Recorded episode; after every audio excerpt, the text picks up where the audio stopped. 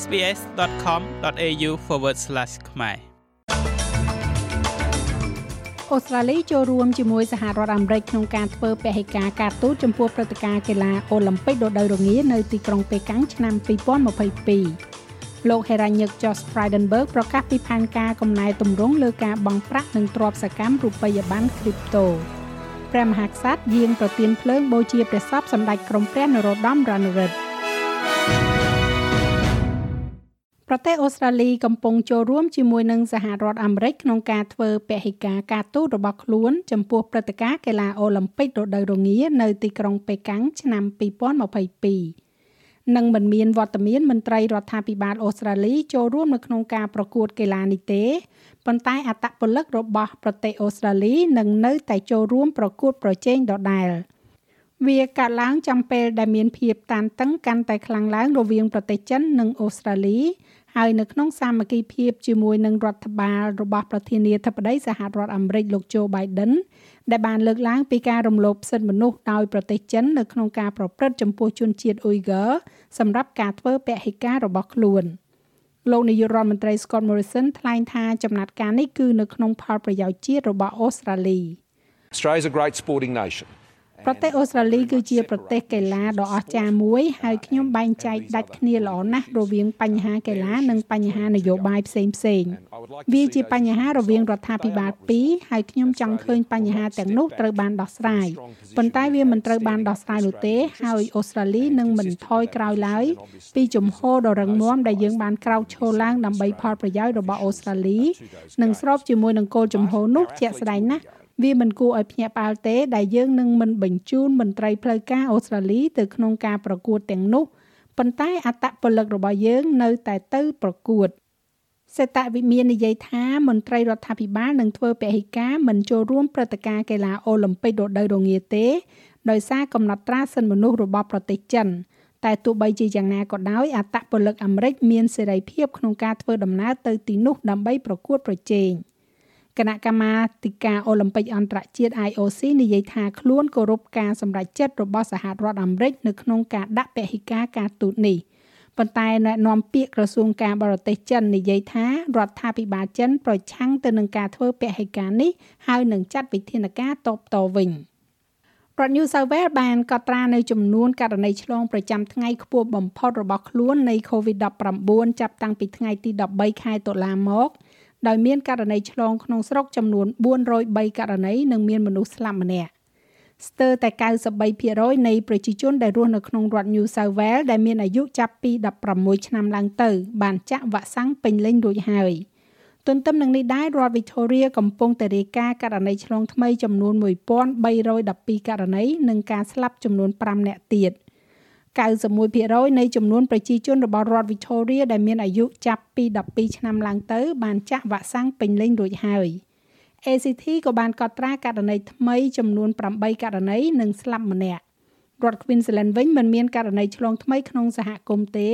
ប៉ុន្តែករណីចំនួន2នៃ variant Omicron ត្រូវបានគេរកឃើញចំពោះអ្នកដំណើរមកពីក្រៅប្រទេស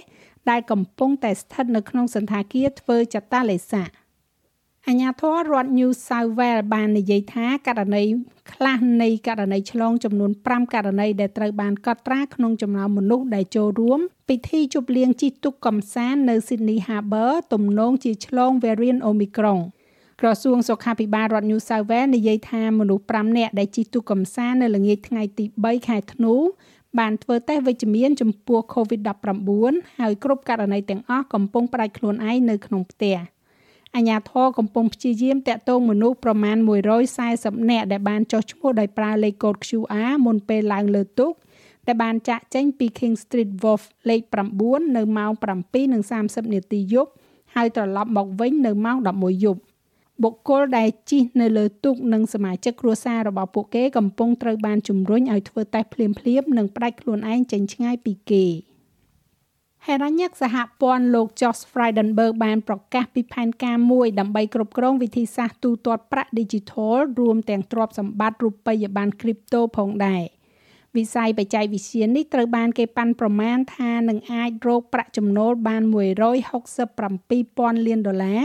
នៅក្នុងទិន្នផលនិងផ្ដល់ការងារដល់ប្រជាជនអូស្ត្រាលីជជាង850,000នាក់ លោក Frydenberg បានប្រាប់ស្ថានីយទូរទស្សន៍ប៉ូលេខ7ថាលោកមានគម្រោងនៅដើមឆ្នាំ2022ដើម្បីចាប់ផ្ដើមការពិភាក្សាលើក្របខ័ណ្ឌអាជ្ញាប័ណ្ណសម្រាប់ការដោះដូររូបិយប័ណ្ណ Digital ដែលនឹងគ្រប់គ្រងការទិញនិងការលក់ទ្រព្យសម្បត្តិរូបិយប័ណ្ណ crypto We're taking this area out of the shadows. យើងកំពុងតែយកវិស័យនេះចេញពីស្រមោលហើយនាំវាចូលទៅក្នុងក្របខ័ណ្ឌច្បាប់ដែលត្រូវបានចាត់ទុកថាឈានមុខគេនៅលើពិភពលោកយើងពិតជាផ្ដោតផងដែរលើការច្នៃប្រឌិតនិងការប្រកួតប្រជែងនិងដំណាភាពជំវិញថ្លៃសេវាដើម្បីទទួលបាននូវលទ្ធផលកាន់តែប្រសើរសម្រាប់អ្នកប្រើប្រាស់ យើងចង់បានសម្រាប់អ្នកប្រើប្រាស់នៅការទិញនិងលក់រូបិយប័ណ្ណ cryptocurrency ឲ្យទទួលបាននៅអាជ្ញាប័ណ្ណត្រឹមត្រូវដើម្បីផ្ដល់សុវត្ថិភាពដល់អ្នកដែលធ្វើប្រតិបត្តិការនៅក្នុងវិស័យនោះសមាជិកសភាបក National ប្រកាន់ខ្ជាប់ថាទស្សនៈរបស់សហសេវកពួកគេគឺលោក George Christensen លើបញ្ហា COVID-19 មិនឆ្លោះបញ្ចាំងអំពីគំនិតរបស់សមាជិកដទៃទៀតនៅក្នុងបកនេះនោះទេ។ ការបង្ហាញខ្លួនរបស់លោកនៅលើកម្មវិធីជជែកកម្សាន្តរបស់សមាជិកស្ដាំនិយមជ្រុលសហរដ្ឋអាមេរិក Infowars កំពុងត្រូវបានថ្កោលទោសបន្ទាប់ពីរូបលោកបានប្រើប្រាស់វេទិកានេះជំរុញឲ្យប្រជាជន ធ្វើបាតកម្មប្រឆាំងតវ៉ានិងការរឹតបន្តឹងនានានៃវីរុសកូវីដ -19 នៅខាងក្រៅស្ថានទូតអូស្ត្រាលីលោក Christensen ដែលគ្រងនឹងចូលនិវត្តន៍នៅក្នុងការបោះឆ្នោតសហព័ន្ធអាណត្តិក្រោយនោះបានសើចនៅពេលដែលការប្រៀបធៀបត្រូវបានធ្វើឡើង រវាងលក្ខខណ្ឌតម្រូវឲ្យធ្វើចតាលិស័ករបស់ប្រទេសអូស្ត្រាលីទៅនឹងជំរុំប្រមូលផ្ដុំនៅសម័យណាស៊ីលោកនាយករដ្ឋមន្ត្រី Scott Morrison និយាយថាលោក Christensen គួរតែចោះចេញពីនយោបាយ Well, I thought those comments were appalling. ខ្ញុំគិតថាការអត្ថាធិប្បាយទាំងនោះគួរឲ្យព្រឺព្រួចហើយខ្ញុំបាននិយាយជាមួយនឹង George ដោយផ្ទាល់អំពីរឿងនេះខ្ញុំគិតថាវាពិតជាគួរឲ្យព្រឺព្រួចណាស់ George មិនមែនជាបេក្ខជនសម្រាប់ LNP នៅក្នុងការបោះឆ្នោតអាណត្តិក្រោយទៀតទេហើយខ្ញុំគិតថា George គួរតែចូលនិវត្តន៍ដោយស្ងប់ស្ងាត់ខ្យល់ព្យុះនិងភ្លៀងកាន់តែខ្លាំងអាចនឹងកើតឡើងបន្ទាប់ពីមានព្យុះផ្គររន្ទះដ៏ធ្ងន់ធ្ងរនិងបំភ្លេចបំផ្លាញវាយប្រហារផ្នែកខ្លះនៃទីក្រុងស៊ីដនីនិងតំបន់នៅជុំវិញដែលអាចកើតមានដូចគ្នានៅទូទាំងតំបន់ភាគខាងកើតក្នុងពាក់កណ្ដាលសប្តាហ៍នេះ។ សេវាកម្មសង្គ្រោះបន្ទាន់របស់រដ្ឋនេះត្រូវបានគេហៅទូរស័ព្ទចូលមកជាមួយនឹងការងារប្រហែលជា200កន្លែងនៅក្នុងរយៈពេល24ម៉ោងកន្លងមកនេះខណៈដែលមានភ្លៀងធ្លាក់និងខ្យល់ព្យុះនិងភ្លៀងធ្លាក់ដុំព្រិលមួយចំនួន បានបោកបក់មកលើទីក្រុង Sydney, Blue Mountains និង Central Coast ការិយាល័យឧតុនិយមបានប្រមានអំពីភ្លៀងរលឹមរាយប៉ាយដែលអាចកើតមាននៅរសៀលនិងល្ងាចថ្ងៃពុធនេះ ជាមួយនឹងខ្យល់ព្យុះផ្លាស់ទីទៅភាគអាគ្នេយ៍នៃរដ្ឋ New South Wales ហើយមានការព្រមានអំពីខ្យល់បក់ខ្លាំងសម្រាប់ឆ្នេរសមុទ្រ Sydney និងឆ្នេរ Illawarra នៅឯក្រៅប្រទេសវិញនាយករដ្ឋមន្ត្រីប៉ាគីស្ថានលោកអ៊ីមរ៉ាន់ខាន់ និយាយថាអ្នកណាក៏ដោយដែលប្រព្រឹត្តបទឧក្រិដ្ឋក្នុងនាមសាសនានឹងត្រូវទទួលទោស បន្ទាប់ពីវងមនុស្សមួយវងបានសម្លាប់អ្នកគ្រប់គ្រងជនជាតិស្រីលង្កាម្នាក់ដែលធ្វើឲ្យប្រជាជនមានការភ្ញាក់ផ្អើលជាខ្លាំងលោកខាន់បានថ្លែងនៅក្នុងពិធីមួយដើម្បីរំលឹកដល់មរណភាពរបស់បុរសរូបនេះ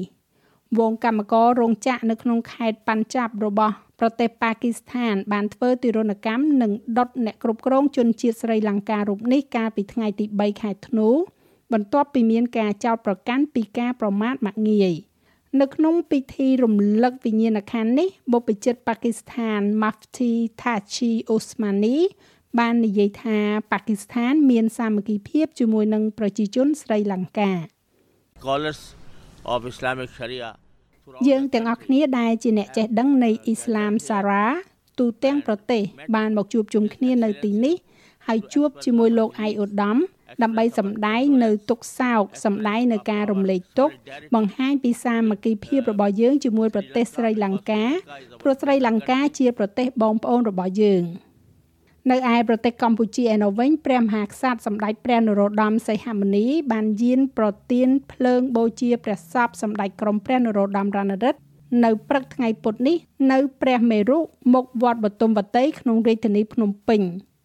តាមកម្មវិធីដែលបានគ្រងទុកព្រះសពរបស់សម្ដេចក្រមព្រះនរោត្តមរណរដ្ឋដង្ហែពីព្រះរាជដំណាក់ឆ្ពោះមកកាន់ព្រះមេរុនៅម៉ោង8ព្រឹករាជរដ្ឋាភិបាលក៏បានកំណត់យកថ្ងៃទី8ធ្នូនេះជាថ្ងៃកាន់ទុក្ខផ្លូវការថ្វាយព្រះវិញ្ញាណក្ខន្ធសម្ដេចក្រមព្រះអតីតនាយករដ្ឋមន្ត្រីទី1និងជាអតីតប្រធានរដ្ឋសភាផងដែរ គណៈកម្មាធិការអូឡ িম্প ិកអន្តរជាតិ IOC ការពីដំណោះស្រាយរបស់ខ្លួនលើបញ្ហារបស់ផេងសៃកីឡាករនីវាយកូនបាល់ Tennis ដែលបានចោទប្រកាន់បទរំលោភផ្លូវភេទលើអ្នកនយោបាយបកកុម្មុយនីសចិនឈានមុខគេម្នាក់ដែលពេលនេះគេនៅមិនទាន់ដឹងថានាងនៅទីណានៅឡើយនោះទេ ប្រធានគណៈកម្មការសម្របសម្រួលទីក្រុងប៉េកាំងរបស់ IOC លោក Juan Antonio Samaranch មានប្រសាសន៍ថាពេលខ្លះវិធីសាស្ត្រការទូតស្ងាត់ស្ងាត់មានប្រសិទ្ធភាពជាង Don't write it off the silent diplomacy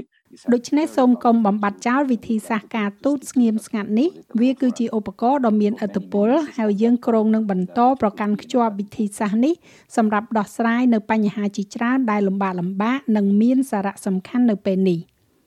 ចំណែកឯអត្រាប្តូរប្រាក់វិញនៅថ្ងៃនេះ1ដុល្លារអូស្ត្រាលី មានតម្លៃប្រមាណជា71សេនដុល្លារអាមេរិកត្រូវនឹង2900រៀលប្រាក់រៀលខ្មែរ